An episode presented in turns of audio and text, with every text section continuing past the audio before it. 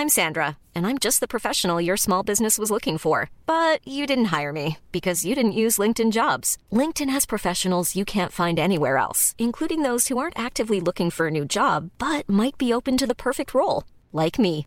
In a given month, over 70% of LinkedIn users don't visit other leading job sites. So if you're not looking on LinkedIn, you'll miss out on great candidates like Sandra. Start hiring professionals like a professional. Post your free job on linkedin.com/people today.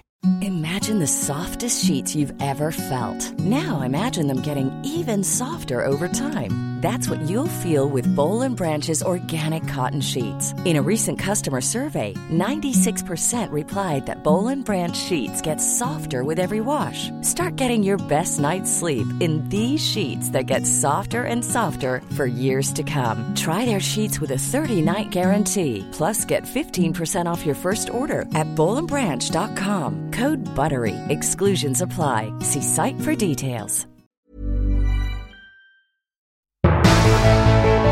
Hvem har makt over nyhetene vi leser?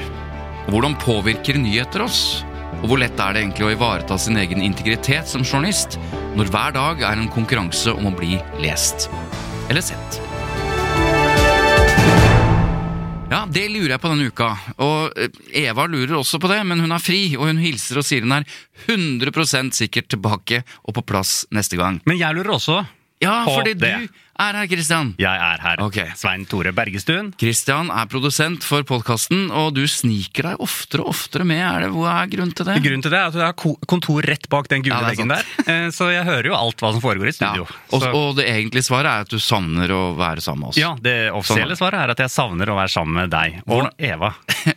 Hvordan går det, Kristian? Det går veldig fint. Ja. Um, jeg produserer Tut og Mediekjør. Det er jo det er jo det jeg gjør. Eh, så det er vel strengt tatt ikke bare Nei, det er jo ikke det. det, er jo ikke det.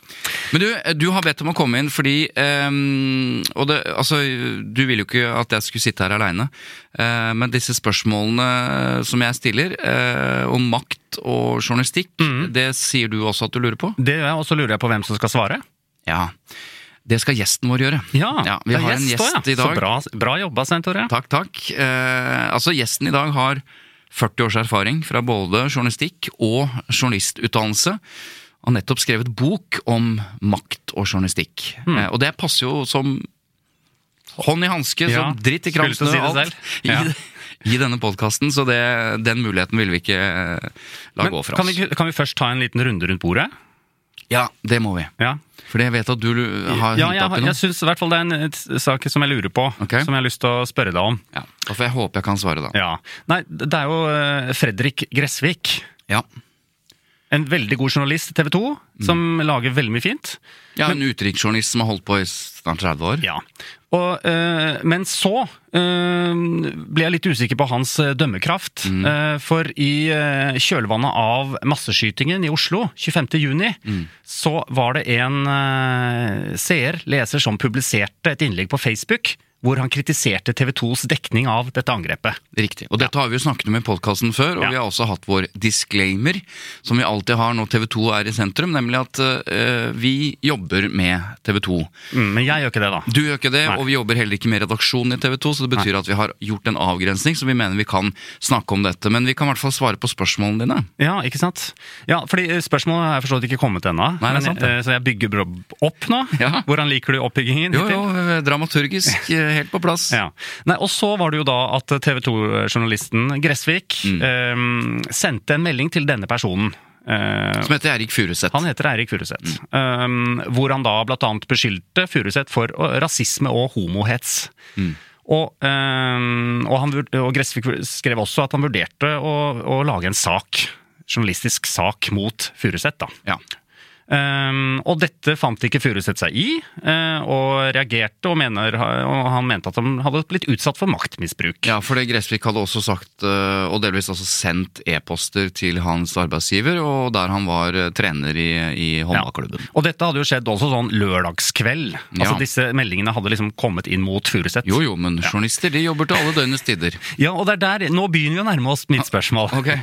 Nei, fordi Akkurat nå uh, så var det, ble det jo kjent at TV 2 ble felt i PFU for disse Gressvik-meldingene. Ja. Og da lurer jeg på hvorfor felles TV 2 og ikke journalisten Fredrik Gressvik? Ja. Ja, det er fordi at øh, For det første så er det sånn at Kan du bare først si hva er PFU? Ja, Pressens faglige utvalg. Ja. Det er de som eh, på, på sett og vis håndhever da eh, etiske regelverket som heter Vær varsom-plakaten.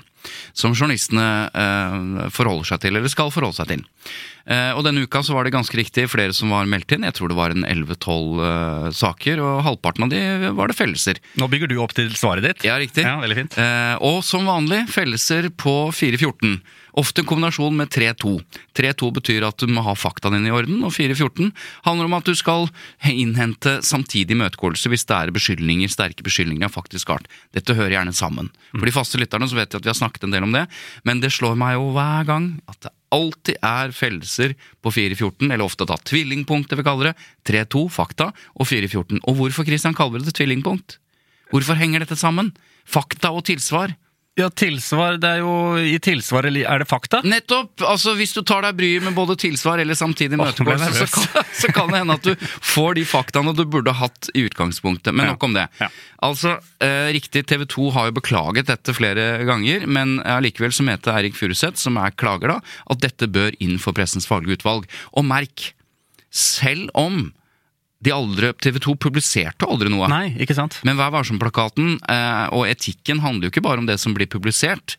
Det er kapittel fire. Det er jo, det er jo, første kapittel handler jo om samfunnsoppgaven, og andre kapittel handler om nettopp integriteten eh, til journalistene. Eh, og tredje handler om hvordan man jobber med kilder. Så man kan bli felt i Pressens faglige utvalg uten å ha publisert en eneste. Spørsmålet ditt var Husker du det? ja, hvorfor blir Gressvik felt? Ja, nei. jeg mener TV 2 ja. når det er Gressvik. Og det er jo fordi at i, en, eh, i pressen og i, i redaksjonelle eller redaktørstyrte medier, så er det jo redaktøren som har ansvaret eh, for det som publiseres, eller også det i den journalistiske arbeidsprosessen. Alt som har med ansvar å gjøre, ligger og hviler på redaktøren, selv om alle journalister også har et eget ansvar for å følge reglene.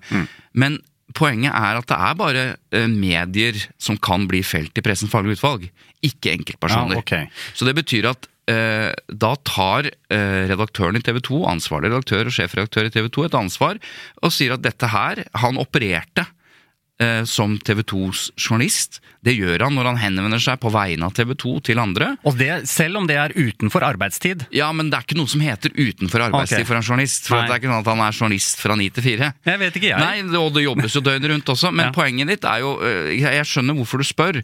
Fordi TV 2s redaktør kunne jo sagt at dette er noe Fredrik har holdt på med eh, på sida. Dette tar ikke jeg ansvaret for. Men da tar han på sett og vis heller ikke ansvar for sin egen journalist. Og da har han, så vidt jeg kan forstå, enten så må man bare avskilte journalisten. På et eller annet vis. Altså, At det er så alvorlig at man ikke kan stå inne for det. Og da kan man heller ikke jobbe i TV 2. Men, men tar man ansvaret for det, så må man ta ansvar for både journalisten og det han har gjort. Og derfor så kan TV 2 eh, klages inn.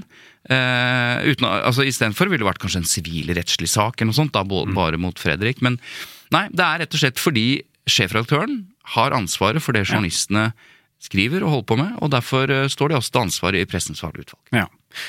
Ja, men det, Er du enig i at det skal være sånn? eller? Ja da, jeg syns det høres fint ut. Men jeg syns også at uh, det høres ut som om pressens faglige utvalg altså blir dømt der. Altså, det, det, Felt, husk på felt, veldig Man, viktig. ja, er man ikke en dømmes ikke, man felles. Mm. Ja, fint.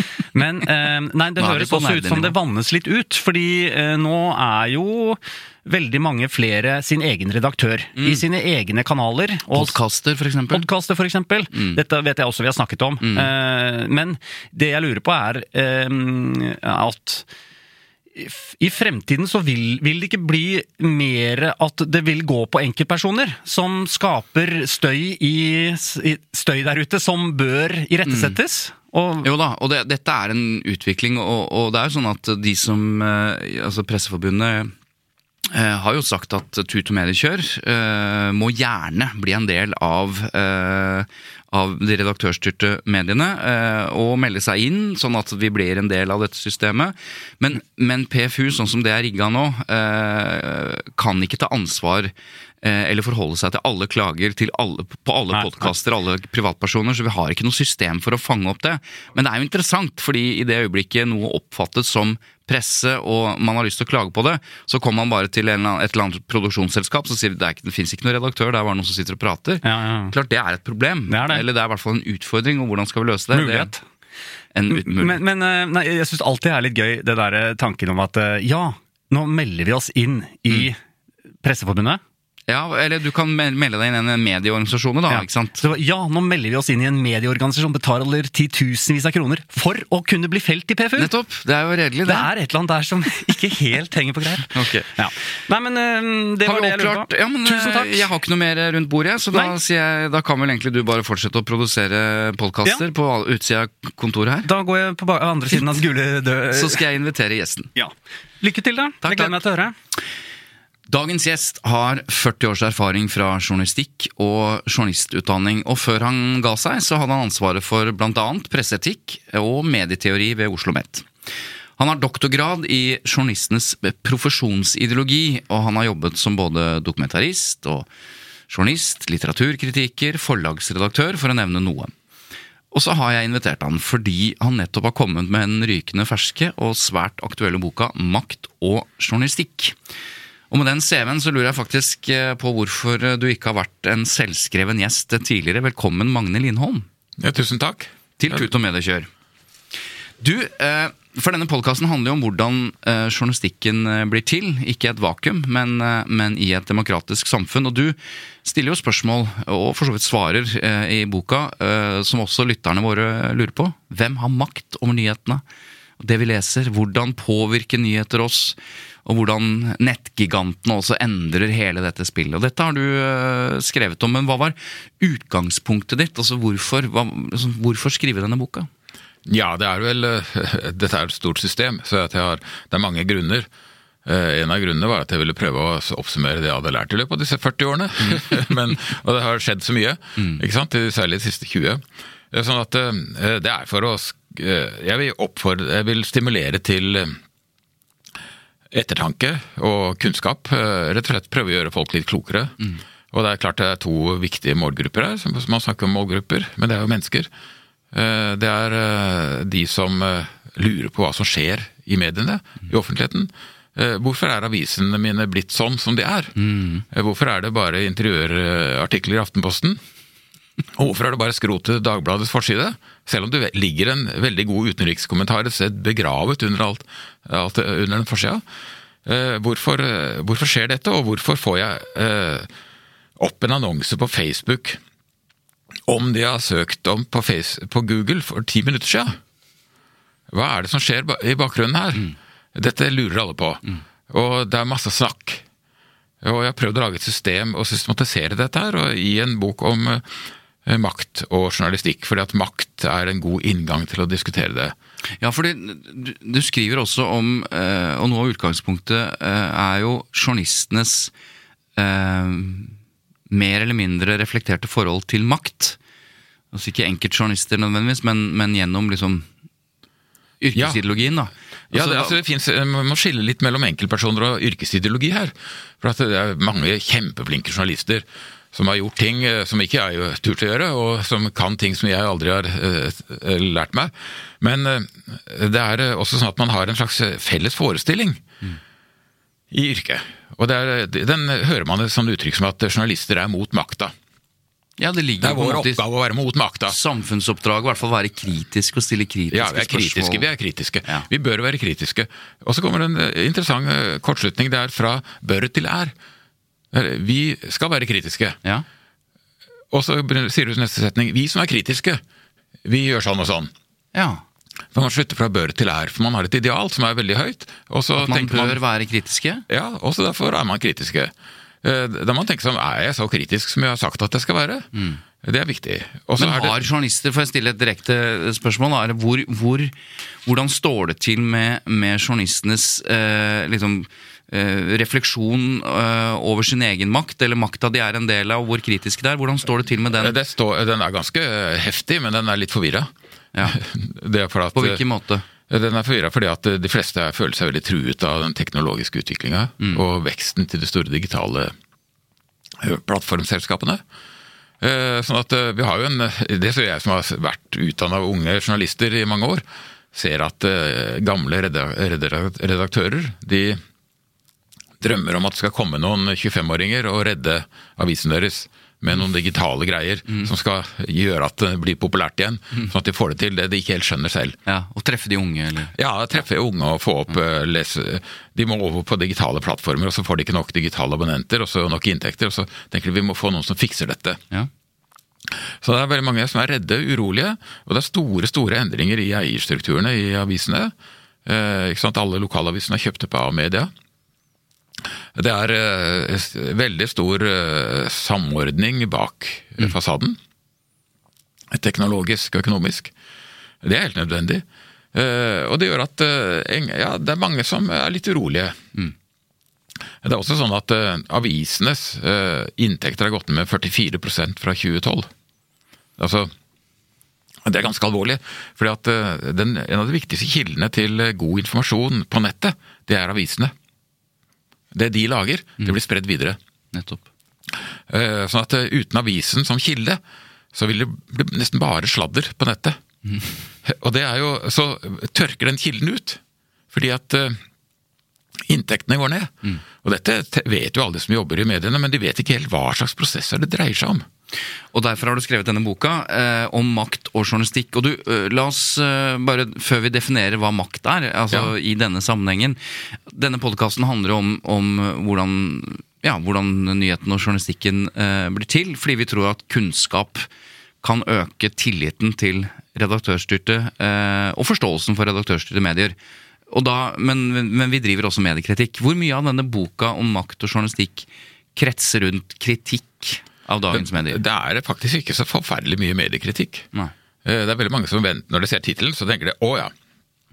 Endelig, nå skal Magne uh, skrive boka 'Makt og journalistikk' og vise hvordan mektige medier lurer avisene. Men det har jeg ikke gjort. Ok, så um... For jeg tror ikke det er så mye av det. Det er en andre mekanismer som virker.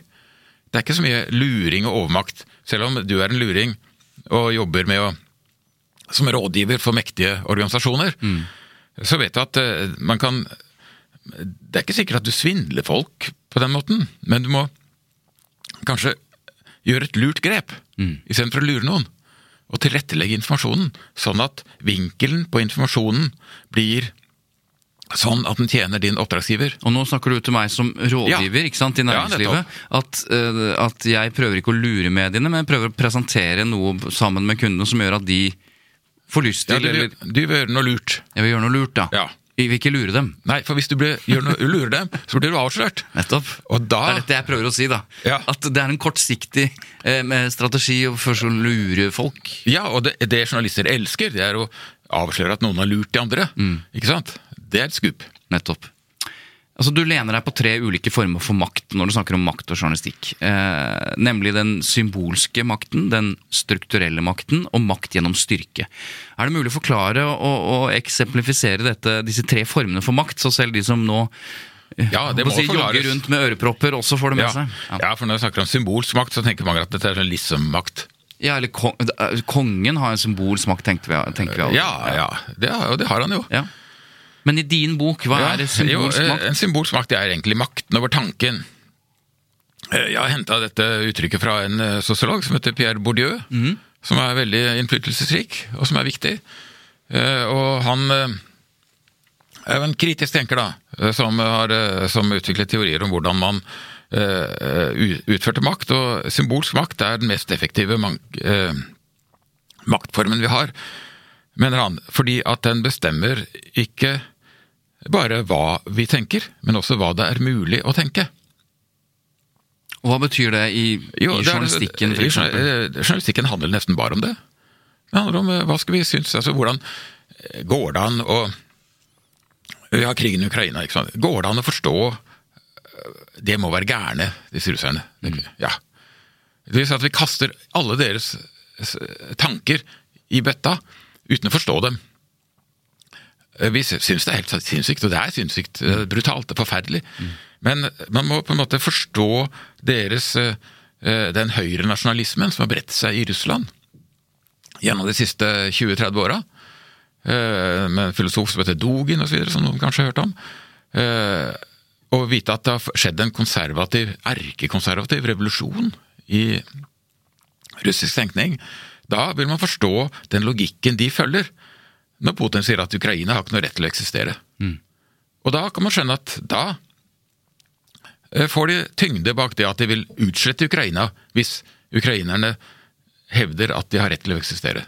Og her kommer journalistikken inn, fordi de Ja. tar kontroll på, på ikke tanken, men de, de bestemmer jo hva de skal Ja, hva, hva kan man tenke? man skal, eh, hva skal man tenke om det? Vi kan fordømme krigen i Ukraina, det er fint. Eh, Det skal man gjøre. Samtidig skal man ikke bare si at Putin er syk. Man må tenke, Det ligger kanskje en ide politisk ideologi bak, som har en logikk. Og den, det er mulig å tenke Mulig å forstå den. Eh, og Sånn er det en annen ting som vi har jobba masse med eh, i Norge. Det er f.eks. kjønnsmoral. Altså forholdet til eh, homofile. I det, før så var det noe som skjedde på pissoarer blant ekle menn. Eh, nå er det liksom en Altså det ble fremstilt sånn? Ja, Ja. det var det man tenkte om det. Det var en ekkel mann i porten, uff a meg, hold ungen unna. Det er ikke lenge siden. Nei. Eh, men nå er det liksom det man skal kjempe for i Qatar. Mm. Der, har noe, der har det skjedd en år med endringer i hva det er mulig å tenke. Og dette det er dreier seg om-. Symbolsk makt, altså, altså Dette er symbolsk makten over forestillinger, da. Ja, makten over våre forestillinger. De kartene vi har over hvordan verden er, de behandles kontinuerlig i journalistikken. Og måten journalistene behandler det på, er ved å skrive nyheter. For nyheter er jo ikke om ting som hender. For det er så mye som hender. Det hender uendelig mye. Ja, Vi kan ikke skrive alt det. Nei, kjempemye. En kjempestrøm. Masse mennesker som gjør ting. Men det meste er jo vanlig. Så det skriver man ikke om. Men ok, så symbolsk makt, men hvis vi bare tar de to andre Ja. også nå Ja, ja. Altså, den strukturelle makten. Eh, Da innbiller jeg meg at vi snakker om, eh, om samfunnsstrukturer eller institusjoner, eller Hvordan behandler du den strukturelle makten Ja, i, i Ja, det er strukturer, og strukturell makt er veldig mye. En vei er en struktur. Altså Veisystemet vårt er strukturelt. Ja. Det merker du når du prøver å gå over motorveien. At du søren meg, der er ikke jeg velkommen. ikke sant? Går du på flyplassen, så blir du gjeta som kyr. Altså, en flyplass er en fantastisk eh, eh, eksempel på strukturell makt. Og Ja. Samfunnet er sånn. Det er for, uh, Vi aksepterer den makten fordi ja, det, strukturen det er sånn. det er fornuftig for det blir praktisk. Men det er jo masse makt. Du kan ikke gå på tvers av sperringene. Og hvis noen gjør det, så er de forbry- skurker og skal tas av vaktene. Uh, Så samfunnet er fullt av det, og vi har også sånne abstrakte strukturer. De merker du når du låner penger i banken. Ikke sant? Og, eller bryter PFUs regler, Pressens faglige utvalg. Det er også en struktur. Altså, det er de reglene vi har satt opp Ja, det eh, er i tjukt av de reglene. Mm. Det er en jungel av regler, men det er regler, og vi lærer dem. Eh, Og vi er lydige mot dem, og det er noe av den symbolske makten, at vi aksepterer, hvis vi aksepterer disse strukturene. De, hvis vi aksepterer dem, så er de veldig praktiske. Hvis vi ser at vi har, ikke har noen fordeler av dem, så er de undertrykkende, de strukturene. Eh, Hvordan er det da med mediene? Jo, de eh, sitter de er helt avhengig av sånne strukturer. Og faktisk er det sånn at vi kan definere medier som en tjeneste som sitter i flaskehalsene i strukturene. Eh, Den klassiske avisen, det var de som hadde trykkeri. Og hadde du trykkeri, så kunne du trykke en avis og selge annonser. Og dele ut den. Og da, i et lite samfunn som Bergen f.eks., så hadde du nærmest monopol på å gi informasjon og, og selge annonser. Og Da hadde du både en strukturell makt, som ga deg muligheten Ja. til altså, strukturene som gjør at du kan uh, utgi avisen, og så hadde du samtidig den symbolske makten. Også. Ja, fordi at du skrev nyheter og artikler og Nettopp. sånt nå. Men du, du satte deg i et, en, en, en sånn flaskehals i strukturen. Og der sitter eh, Det er akkurat sånn som de gamle eh, borgene var der hvor folk måtte over elva. ja. Sånn sitter avisen, og nyhetsmediene har flyttet seg i struktur, vår struktur, sånn at det sitter i flaskehalsene. Og avisene satt da i lokalsamfunn, ikke sant, og hadde trykkerier. Ingen andre kunne trykke på den måten. Men eh, så kom internett, og så satte de opp en, eh, en motorvei forbi flaskehalsen. Så alt strømmer forbi. Og derfor har du panikken til disse gamle redaktørene, som er forbikjørt. De har vært eh, portvakter. Men så går det en motorvei ved siden av dem. Men samtidig er det jo sånn at de har en tjeneste som er av en annen kvalitet og en annen type enn den, som den der motorveien som går forbi. Og det er det, den kampen om, om, om den strukturelle makten, for så vidt, da, og også den symbolske, som da blir eh, Som Ja, du skriver mye om, som handler Ja. om de store Ja, det er, det er 100 sider i boka omtrent Ja. som handler om det, om disse okay. digitale strukturene. For de må vi forstå. Mm. Og skal du forstå medier, så må du forstå det fordi at eh, disse, Noen tror at Google er det og se på Google og Facebook som sånne, sånne ekle folk som stjeler annonser. Og det er de jo også. Ja. Men de er ikke en sånn liten ekkel snik i hjørnet. De er omtrent som lufta som mediene puster i. Mm. De er så store at de har eh, spist opp de gamle mediene. De elsker jo journalistikk, Mm. bare de slipper å lage det selv. Nettopp. Ja, For de ser at journalistikken er det som driver trafikk, og det som Ja, selger. legg ting inn hos oss, dere. Ja. Det er gratis. Og vi betaler ingenting. Ikke sant? Så kommer folk og uh, deler saker og sånt nå. Vi skal komme tilbake til også Ja, hvordan så er det dette- siste Vi har en makt, maktform til. Ja, det er det jeg tenkte nemlig. vi skulle inn, og det handler om uh, makt, altså tvang, eller, eller makt uh, som handler om styrke, da. Ja, jeg kaller det makt gjennom styrke, fordi at um, For å si det veldig enkelt, så er det den tvangsmakt alle er oppmerksom på. Det er at det kommer en politimann og slår deg i hodet, eller sier 'gå dit'.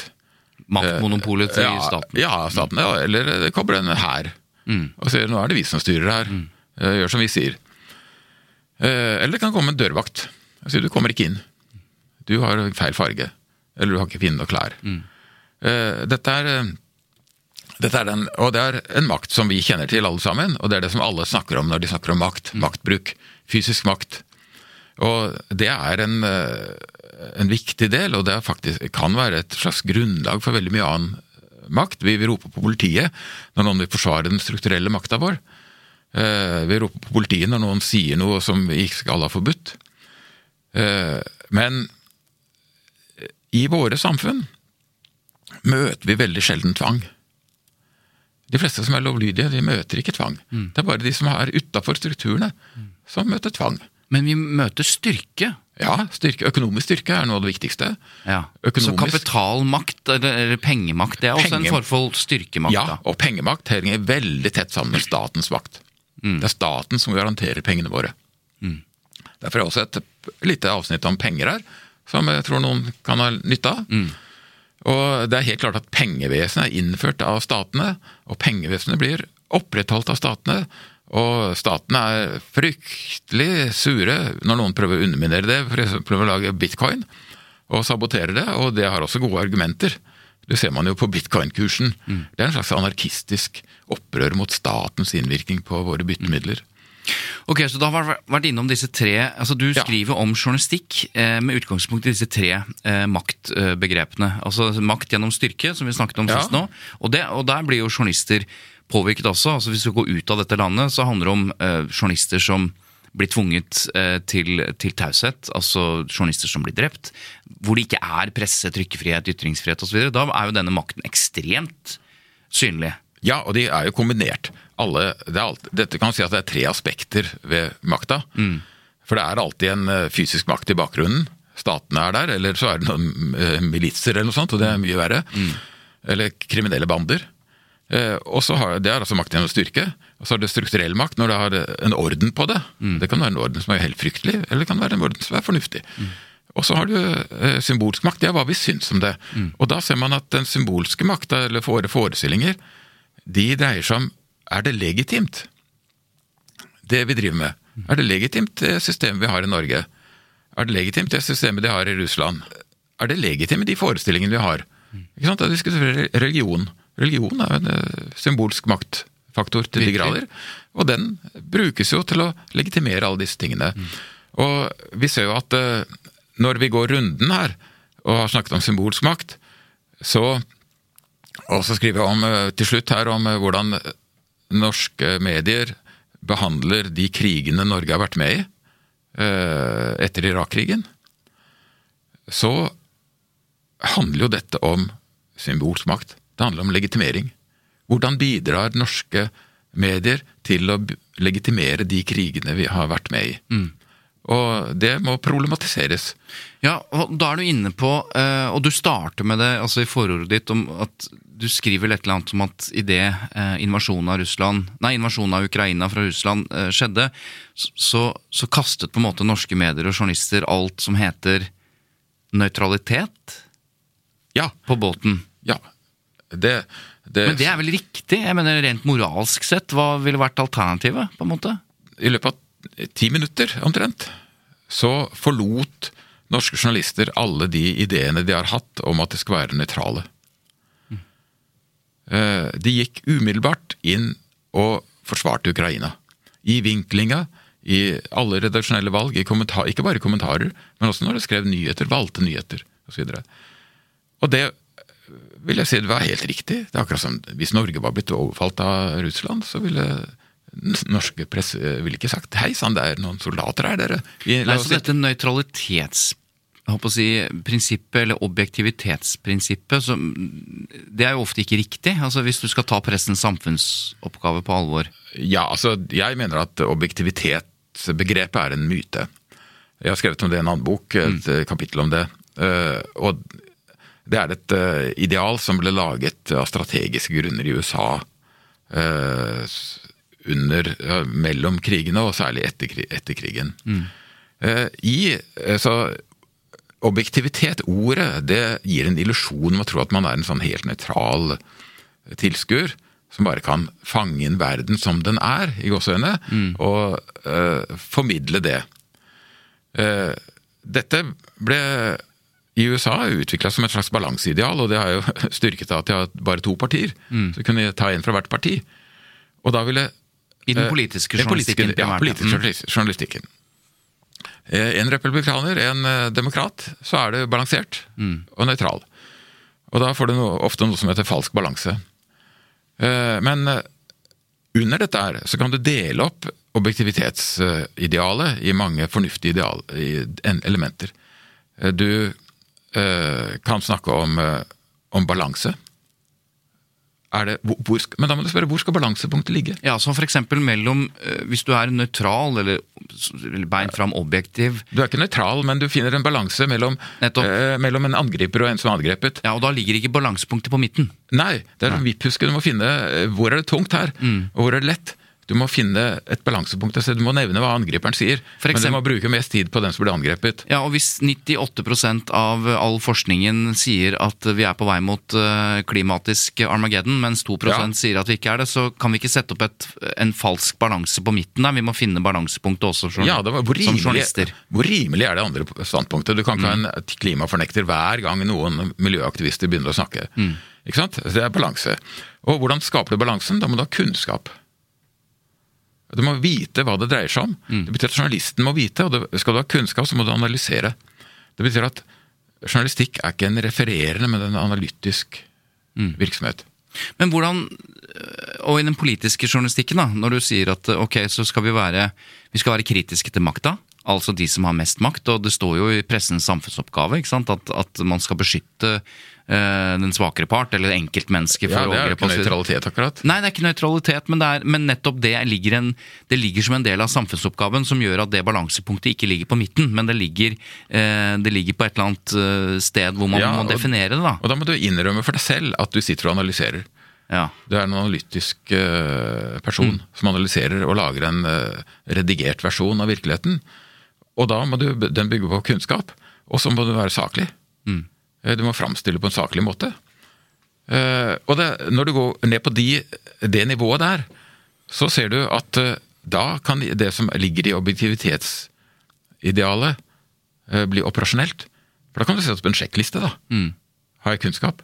Har jeg balanse? Er jeg saklig? Og det, Det krever en veldig bevissthet uh, om hva man holder på med, da. Ja, det er derfor jeg har skrevet bok. Ja. Der- der- jeg har skrevet to, 200 sider om dette her, og det, da ga jeg meg harelabb over ganske mange store spørsmål. Men det er for å sette i gang eh, tankegang rundt dette, og i boka så ligger det kilder og henvisninger og sånn, sånn at man kan eh, bruke det som en landgang for å komme inn og lese videre der man har lyst, mer lyst til å undersøke ting.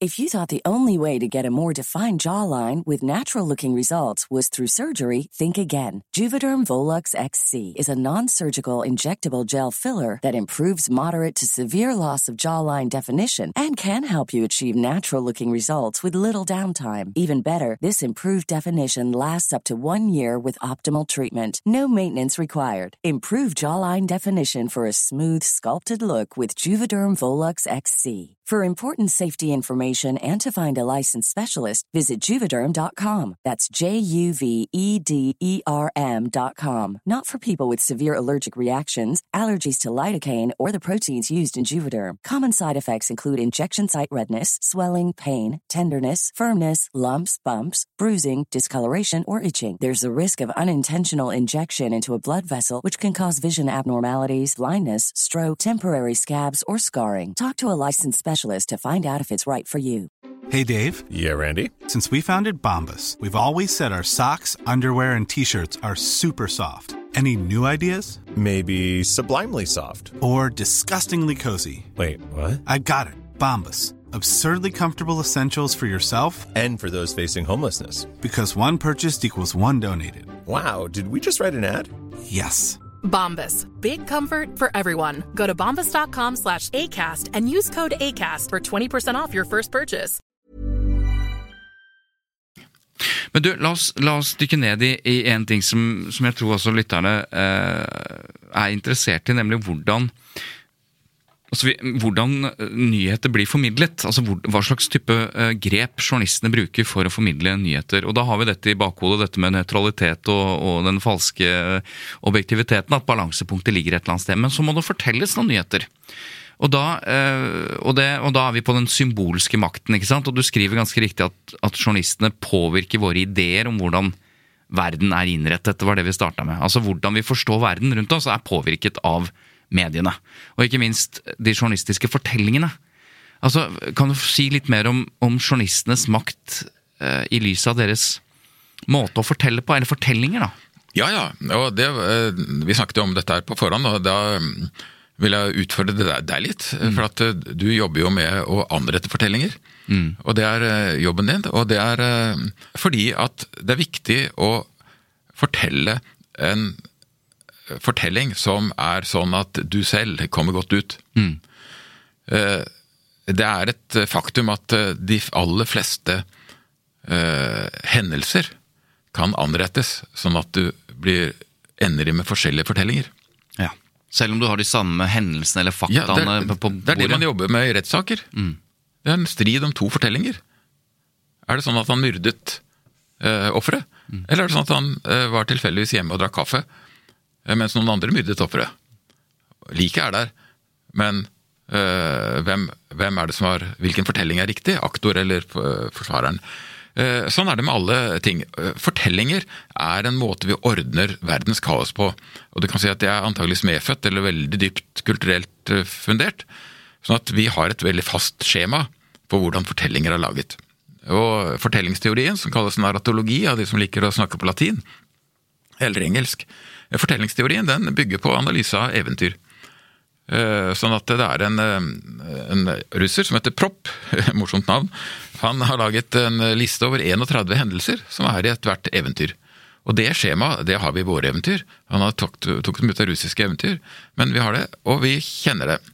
Og det er faktisk sånn at nyhetsdefinisjonen, eh, den er funksjon, eventyrfunksjon nummer ni. Eventyrfunksjon nummer ni. Ja, Ja, og det det er en mangel blir oppdaget. Helten tilkalles for å hjelpe. Altså det er prinsessa prinsesse er røvet, eller råttent vann i, brømmen, eh, i brønnen eh, på Kongsgården, eller noe sånt noe. Eller det er et fryktelig troll som uh, gjør noe i Ja, for da, da, da stiger jo rollene eller karakterene opp. Ja, og da uh, går man med en Og helten, det er veldig ofte journalisten, som skal være en Askeladd. Eh, Men eh, helten tilkalles for å hjelpe for å redde den mangelen. Og så hører hver gang vi hører Oi sann, det er noe som mangler. Det må være en skurk her. Det må være et troll her. Og håper helten kommer. Det er vår første tanke. Vi har altså påkalt et helt verdensbilde. Og det verdensbildet er moralsk ladet. Det er skurker. Og det er helter. Og det gjør at selv en enkel saksopplysning, som at det er funnet et lik på Karl Johan, ikke sant Oi sann, hva kan være grunnen? Da raser assosiasjonene våre inn, og spørsmålene inn. Så ser vi hvem, hvem er skurken, eh, hvem ordner opp her, eh, hvem kan hjelpe oss med å finne eh, ut hva som har skjedd. Og, eh, og da er på en måte eventyr fylt ut i hodet vårt, men vi har ikke fylt ut hvem som er skurker og helter. Og det ser du nå i f.eks. for eksempel eh, hvis du ser på at eh, staten skal lage, skattlegge fiskeoppdretterne, så ser du at eh, det er en kjempekamp om, eh, om Witzøe og co. er skurk eller helt. Ikke sant? Eh, eh, alle slåss om skatten, og alle vet at han er rik. Men er han skurk, eller er han helt? Det er ganske viktig for ditt standpunkt til denne skatten. Og da gjelder det å fortelle eventyret sånn at han blir helt hvis du er, er tilhenger av Hvis du er mot skatten. Hvis du er for skatten, så er han en skurk. Altså Enten så lager han idrettshall for eh, befolkningen på, eh, på disse øyene i Nord-Trøndelag, eller så er han en gammel væreier, gammeldags væreier som suger penger ut av naturen uten å gi noe tilbake. Vi ser her at den samme opplysningen som at det er penger der, og at det er eh, snakk om en skatt, det kan anrettes i to vidt forskjellige historier. Og da syns jeg det er utrolig interessant, fordi du har helt rett, jeg jobber med historiefortelling, og siden du nå nevnte Witzøe, nok en disclaimer, eh, som også er kjent, at vi har eh, bistått eh, Witzøe. Og da er jo en kamp om fortellinger eh, helt riktig. Og så sier mine gamle Arbeiderpartivenner at hvordan, hvordan kan du bistå milliardærer på den måten, som suger, uh, på en måte utnytter naturressursene? Og så sier jeg, men eh, jeg snakker med Arbeiderparti-ordførere langs hele kysten. De mener at han ikke gjør det. Altså det er en kamp om fortellinger. Og det blir en kamp om fortelling for min del også, fordi skal jeg forsvare uh, at jeg bistår noen som uh, gjør Som er skurker, eller som er helter? Og da blir man jo interessert i å definere den fortellingen for seg selv også. Ja, og det gjør jeg for Jeg tar, gjør dette av to grunner. Det ene er for å få fram eksempelet, det andre er for å utfordre deg. For her sitter vi i studio og har det hyggelig, men du har, hatt, du har vært helt tørr på beina uten problemer i hele programmet. Fordi du er programleder. ikke sant? For du er verten og innbyr for meg og sånt. Og, så- og, og sitter med på, på en måte makten, for det er jeg som stiller spørsmålene, og jeg ja, som nettopp. vet hvordan Altså, det dette skal Selv strukturen her i dette eh, programmet er en maktstruktur. Og det er viktig å vite hvis man har resonnement, altså man skal tenke gjennom hvordan medier fungerer. Sånn at jeg syns ja, det er fint, dette skal du ha som problem. Eh, hvis ikke du har en stein i skoen og føler litt ubehag ved dette, så ser du ikke hvilket samfunn du er en del av. Også med den jobben du har. Eh, og du kan si at du har gjort de og de valgene, men det er valg. Og det er, det er viktig for folk som sitter i medieposisjoner, at de vet at de eh, velger, og at de er aktører i dette samfunnet de lever i. Så eh, det er mange nyttige funksjoner i samfunnet, og det er ikke alle som går i hop, og de skal være uenige eh, i strid med hverandre. Når det gjelder Arbeiderpartiet, så er det sånn at Arbeiderpartiet er full av motstridende fortellinger. Det er vel det eneste stort motstridende parti. De skal fange alle i Ja, et folkeparti. vært, de har i hvert fall klart å fange alle de politiske motsetningene i Norge i ett parti. Ja. og så prøver Støre å øh, vente til alle har blitt enige før han sier noe. Mm. Og da så detter han på gallupen. Men du, eh, bare eh, for å avslutte det. Fortellingen. Ja, fortellinger, ja. Fortell- det er masse at- å si om fortellinger. Ja, men du, du sier at fortellinger da hjelper oss eh, raskt å danne oss oppfatninger. Det er litt som eh, det jeg har skrevet om tidligere, bekreftelsesfeller. Altså som skjer fordi vi har forenklingsstrategier i hodet, hvor vi har noen kognitive skjemaer som gjør at med en gang vi får den opplysningen, så plasserer vi det sånn. Med en gang vi hører sånn, så gjør vi det sånn. Så tar vi raske beslutninger. Det, jo, det må vi gjøre for å i hele tatt fungere. Men så sier du at nyhetsspråket gjerne kan være nøytralt. Altså språket kan være nøytralt, men det blir likevel en form for skjult argumentasjon. Fordi Ja. selv om det fremstår nøytralt, så, så, har vi, så, så tar vi noen valg basert på disse fortellings... eh, altså det som vi har lært da, om fortellinger om skurker og osv. Det syns jeg er interessant, for da, da kan det jo være et ferniss av objektivitet til nøytralitet. Allikevel så mener du at det er en skjult argumentasjon. Ja, det Fortell er jo helt, det er helt klart. For det er et eh, det er, eh, altså, det er vel to ting her. Det ene er at vi har fortellingsmønstre som er moralsk ladet. Gode og onde krefter. Eh, Det vil eh, utro, Du skal streve utrolig med å fortelle om noe uten at det blir noen som er litt vondere enn andre. Eh, Har du gjort det, så har du laget en katalog over hendelser. Og da dør folk av kjedsomhet. Så det, det er den ladningen, den moralske ladningen som tenner folk. Og Det er derfor fortellingene er så viktige. Så vi, eh, er, Fortellingene er ikke bare effektive for å forenkle og få fram noe, det er også noe som binder oss til en måte å tenke på. Og det gjør at man skal Jeg har blitt veldig skeptisk til fortellingene. Jeg syns man skal være skeptisk til fortellingene fordi at de fører oss i en retning som vi ikke tenker på, eh, og som fører oss i en konvensjonell retning. At vi, at vi ser skurker og helter på høylys dag. Ja, og da er det gjerne de vi har sett, skurkene og heltene, som vi er vant til å se som skurker og helter. Ja, det er de vi vanlige, bekreftet, uh, det er de vanlige folka som er ute igjen, ja. Rikingene, eller dummingene, eller utlendingene, eller eh, folka fra Bergen eller Trøndelag, eller hvem det er.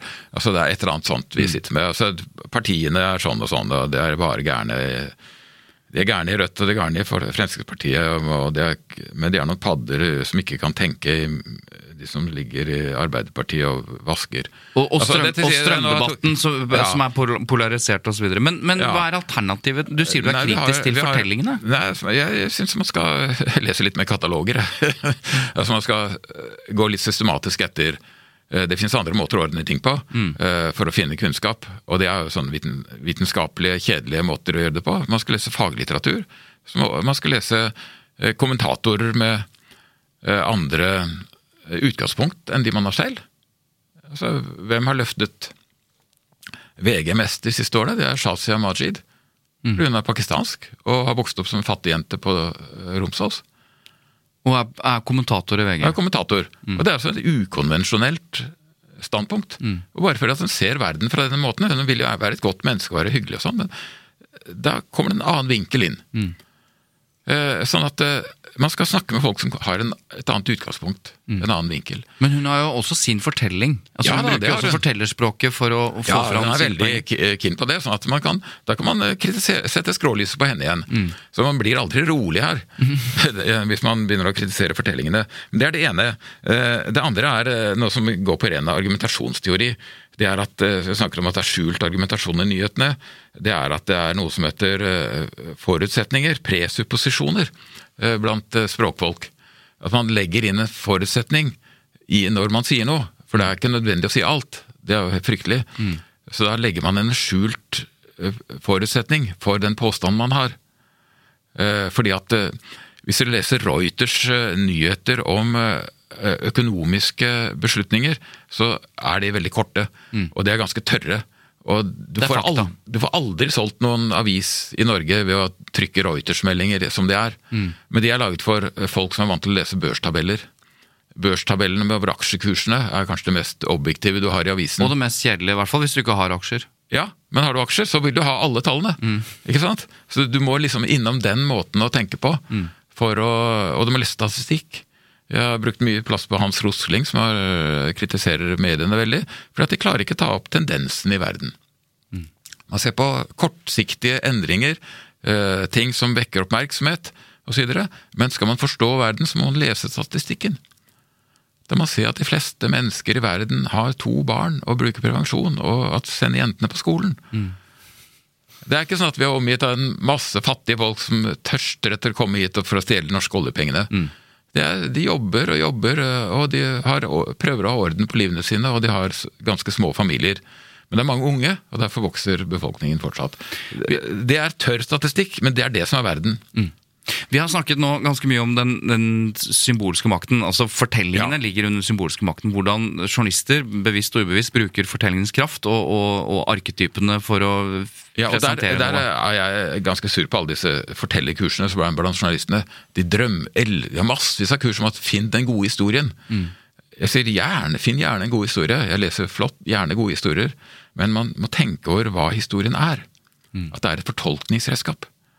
Det er ikke bare en, en kjelke som du kan lasse din informasjon på, og så frakte det ut til folk. Det er et, et mønster som åp, åpner for en bestemt type konklusjoner. Men du, eh, Eva Sandum, som Ja. jo er min medprogramleder i dette her, hun var jo redd for at når jeg skulle invitere deg eh, med en bok som er så faglig fundert Ja, og Makt og journalistikk heter den. Ja, ikke sant? Og det er, eh, vi har jo snakket, eh, kan noen mene da, noe svevende og akademisk her, og kanskje folk har falt av, jeg håper ikke det. Jeg synes dette er spennende, men hun, eh, hun, hun ringer snart for å Ja. kontrollere om vi eh, holder oss på en måte noenlunde i kontakt med virkeligheten her. Så bare advare mot det. Og hun har Ja. et spørsmål antageligvis, antageligvis, så det kommer snart. Men før, før, eh, før Eva ringer, og hun er fri da, så hun burde egentlig Ja. eh, holdt Ja. seg for god til dette, men, men det er noe sånt. Det er helt hyggelig at hun ringer. Du, jeg, jeg, jeg tenker på Du skriver også om, eh, om, om makt, og, da, og, og jeg, når jeg snakker om, med journalister om makt, og deres makt, så har de mer eller mindre reflektert forhold til det. Noen sier at eh, ja, erkjenner at vi har makt, vi setter dagsorden, vi har den strukturelle makten da, som gjør at vi kan Vi er den som kan fortelle og, og prioritere hva du skal lese om, og hvordan du skal lese om det osv. Mens Ja. andre mener at den er overdrevet, Ja. den makten. Hvordan ser du på eh, journalistenes eh, makt? Hvor mye makt har de? Eh, Ja, det er vanskelig å si, for det er flere typer makt, og samfunnet er stappfullt av makt. Eh, De har ikke mye fysisk makt. Det, er det, det er nesten null.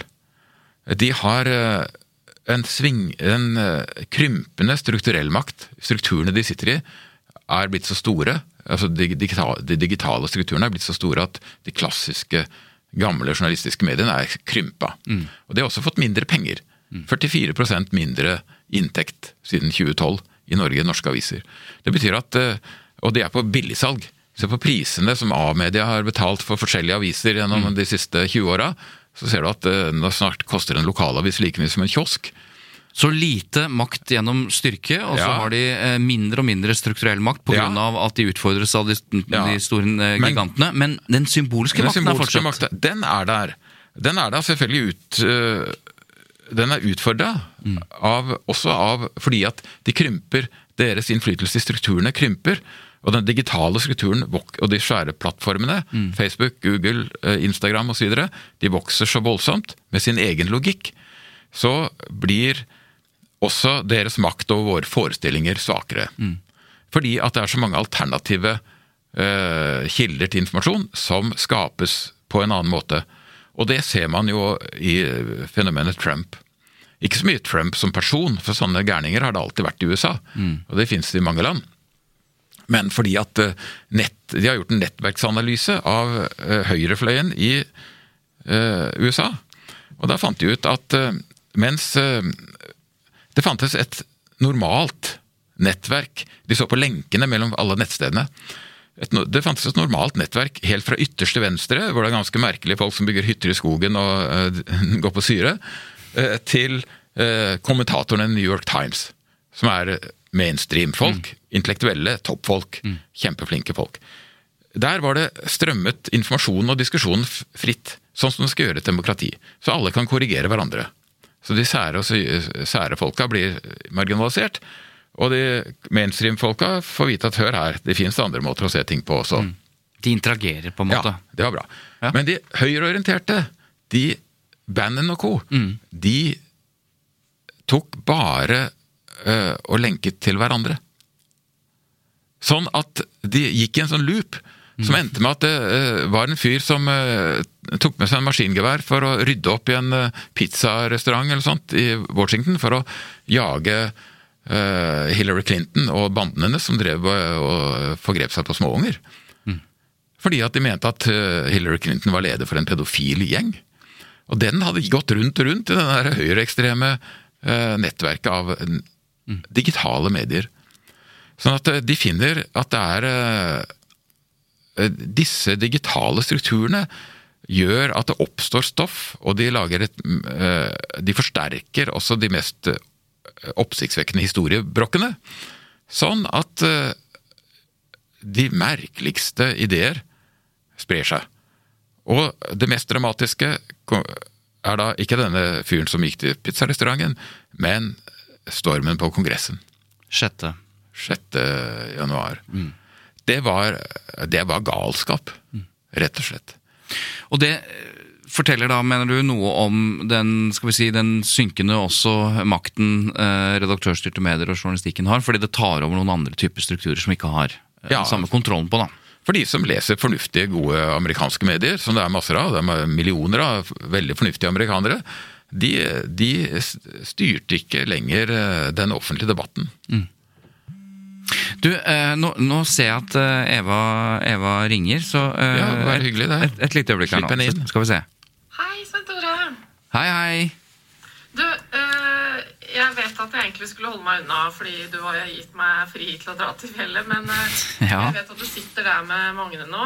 Og så er jo jeg litt redd for at dere to blir sånn akademiske forfattere når dere sitter og prater. Så Nettopp. jeg tenkte jeg ringe inn et spørsmål, jeg, for i tilfelle du glemmer å stille det som jeg er mest opptatt av når jeg sitter og leser boka hans. Ja, jeg regnet med det. Ja, Ja, Ja, det er helt greit. flott, det er helt greit. flott, det. Du Magne der nå? Ja, han er her.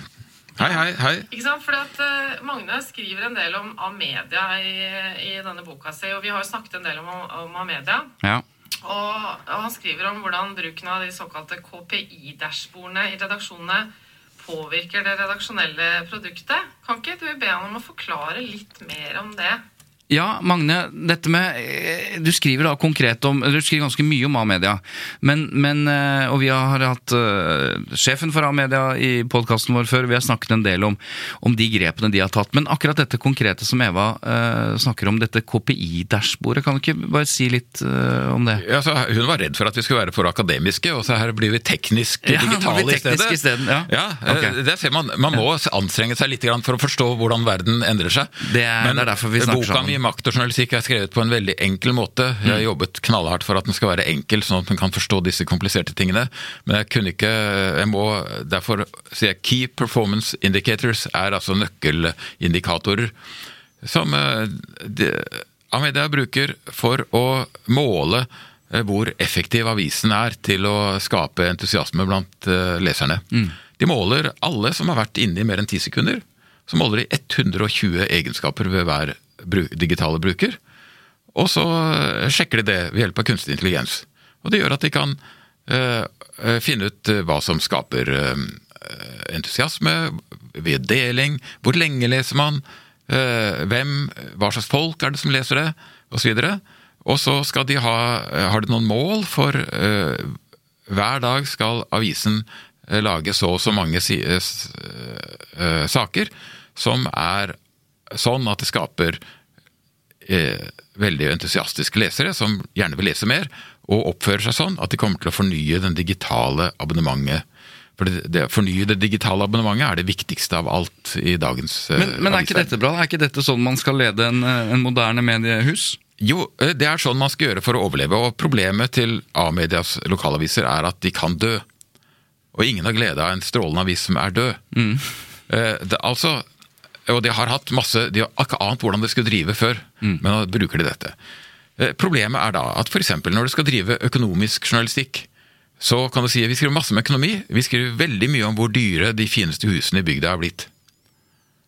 Det er en slags bygdesladder. Men de skriver veldig lite om hvordan kommunen forvalter sine fond.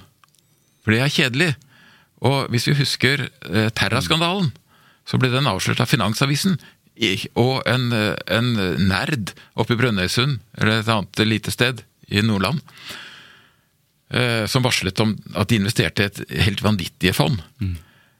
Og dette var en kjempeskandale, og det kostet Det satte mange kommuner langt tilbake. Dette får vil ikke slå ut på KPI-ene hvis de ser på Terra-skandaler. Men eh, hvis de har sladder om hvor dyrt det og det huset er blitt, så vil det slå ut på KPI-ene. Ja, Eva, eh, er du fornøyd med svaret? Ja, kjempefornøyd med det svaret. Da går jeg ut i naturen her på fjellet. Gjør det. Ta fri, du. Ok. Ha det. Lykke til videre, da. Takk, takk. Ok, vi skal runde av, Magne. Og øh, jeg tenkte at vi startet jo med, med journalistene, og, øh, og jeg har lyst til å bare dvele litt ved deres Det vi håper på, da, er en slags yrkesideologi, en yrkesstolthet, en integritet som gjør at jeg kan slappe av, at jeg kan stole på dem, at jeg, de har et regelverk, osv. Um, det er nå snart 50 år siden journalistene liksom formulerte sitt samfunnsoppdrag.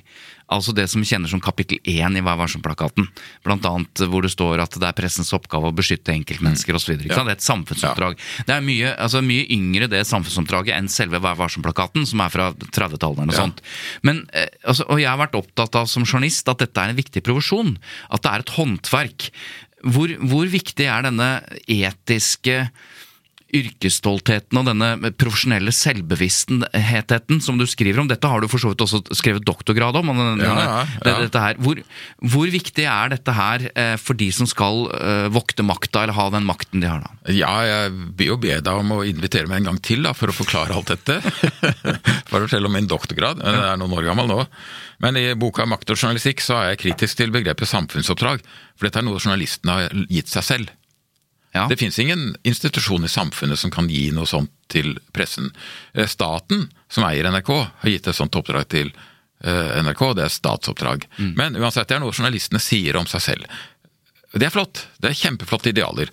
Eh, Det er da alltid en fare for at det er sprik mellom ideal og virkelighet, og det vet alle journalister.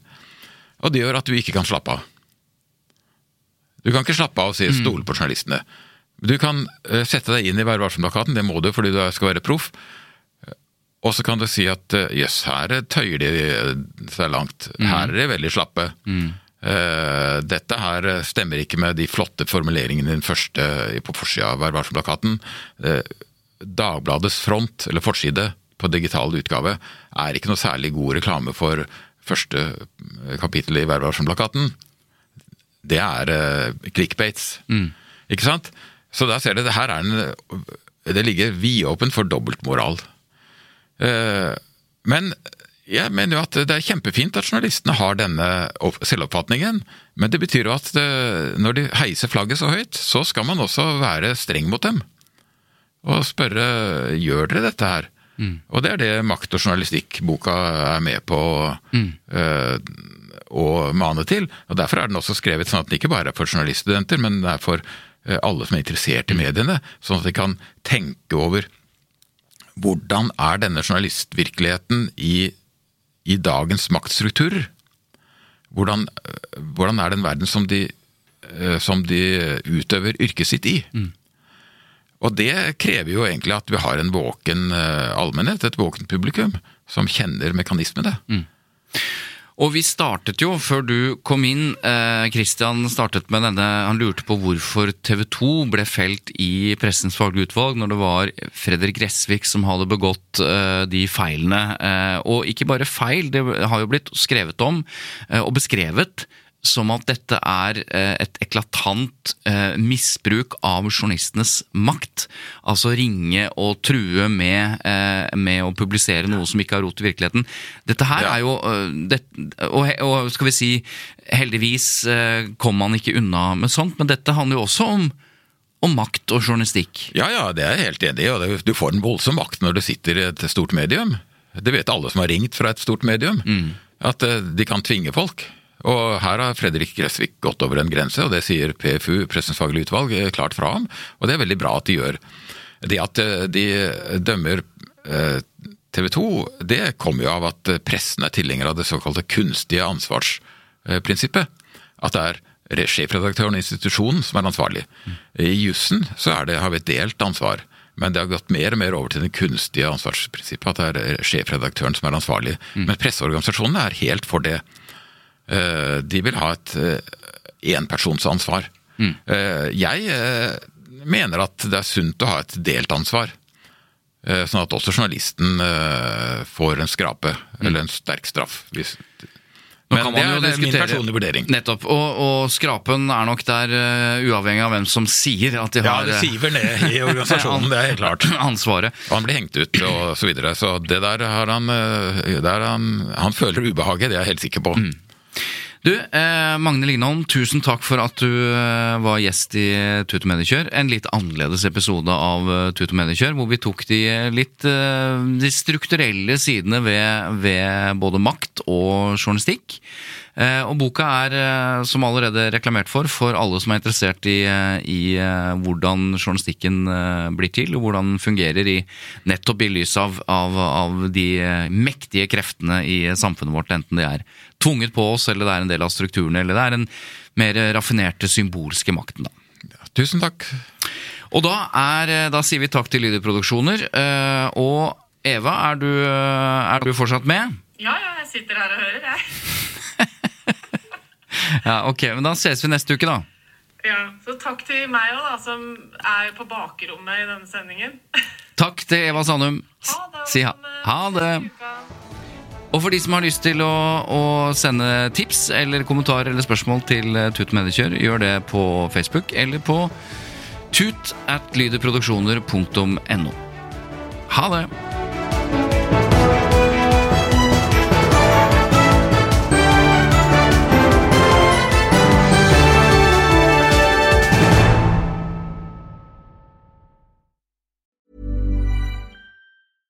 Want flexibility? Take yoga. Want flexibility with your health insurance? Check out United Healthcare Insurance Plans. Underwritten by Golden Rule Insurance Company, they offer flexible, budget friendly medical, dental, and vision coverage that may be right for you. More at uh1.com. Planning for your next trip? Elevate your travel style with Quince. Quince has all the jet setting essentials you'll want for your next getaway, like European linen, premium luggage options, buttery soft Italian leather bags, and so much more. And it's all priced at 50 to 80% less than similar brands. Plus, Quince only works with factories that use safe and ethical manufacturing practices. Pack your bags with high-quality essentials you'll be wearing for vacations to come with Quince. Go to quince.com slash trip for free shipping and 365-day returns.